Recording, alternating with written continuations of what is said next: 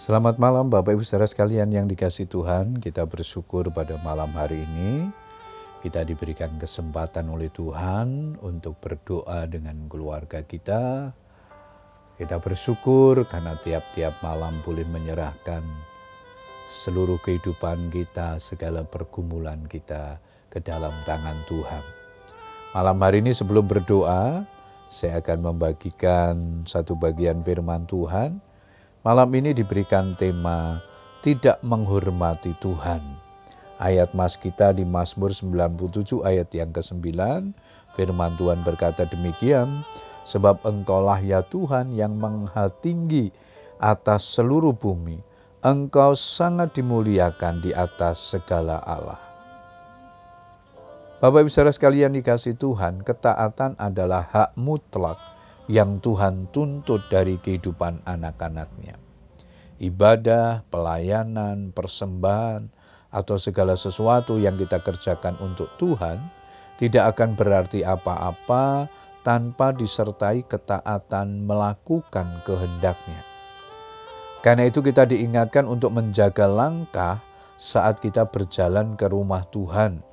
Pengkhotbah 4 ayat yang ke-17. Menjaga langkah berarti datang kepada Tuhan dengan tidak sembarangan, tapi harus disertai rasa takut dan hormat akan Dia. Mazmur 96 ayat yang ke-6 di sana dikatakan keagungan dan semarak ada di hadapannya, kekuatan dan kehormatan ada di tempat kudusnya. Banyak anak Tuhan tidak mengalami berkat-berkat Tuhan oleh karena mereka sudah kehilangan rasa hormat kepada Tuhan. Mereka datang beribadah bukan karena kerinduan yang besar untuk bertemu Tuhan secara pribadi, tapi hanya sebagai rutinitas atau kegiatan agamawi. Ketika kita tidak lagi memiliki rasa hormat dan kagum kepada Tuhan, berkatnya akan terhalang untuk kita. Oleh sebab itu milikilah sikap hati yang benar saat menghadap Tuhan. Jangan datang kepada Tuhan dengan sikap hati yang tidak beres. Jangan sampai kita datang kepada Tuhan dengan masih menyimpan dendam, sakit hati, kemarahan, akar pahit, dan sebagainya di dalam hati kita. Bila kita belum beres, kita tak akan bisa memuji dan menyembah Tuhan dengan sepenuh hati. Kita tidak akan bisa menikmati kehadiran Tuhan.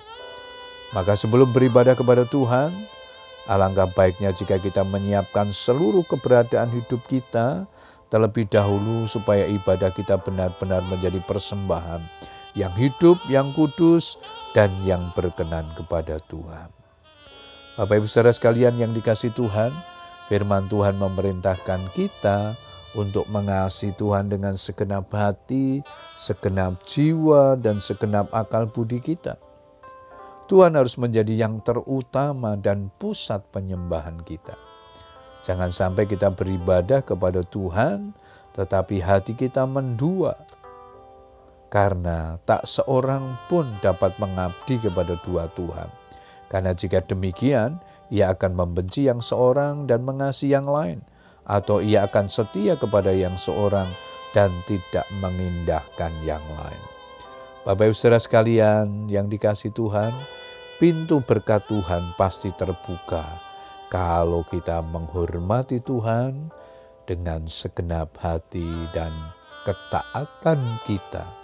Puji Tuhan, biarlah firman Tuhan malam hari ini yang kita renungkan akan memotivasi hidup kita untuk terus belajar dalam hidup ini, taat, setia, dan menghormati Tuhan. Bahkan ketika kita sedang beribadah, ketika kita sedang berdoa kepada Tuhan. Karena dengan sikap hati yang demikian, Tuhan akan berkenan dan dia akan siap memberkati setiap kita. Puji Tuhan, selamat berdoa dengan keluarga kita. Tuhan Yesus memberkati kita. Amin.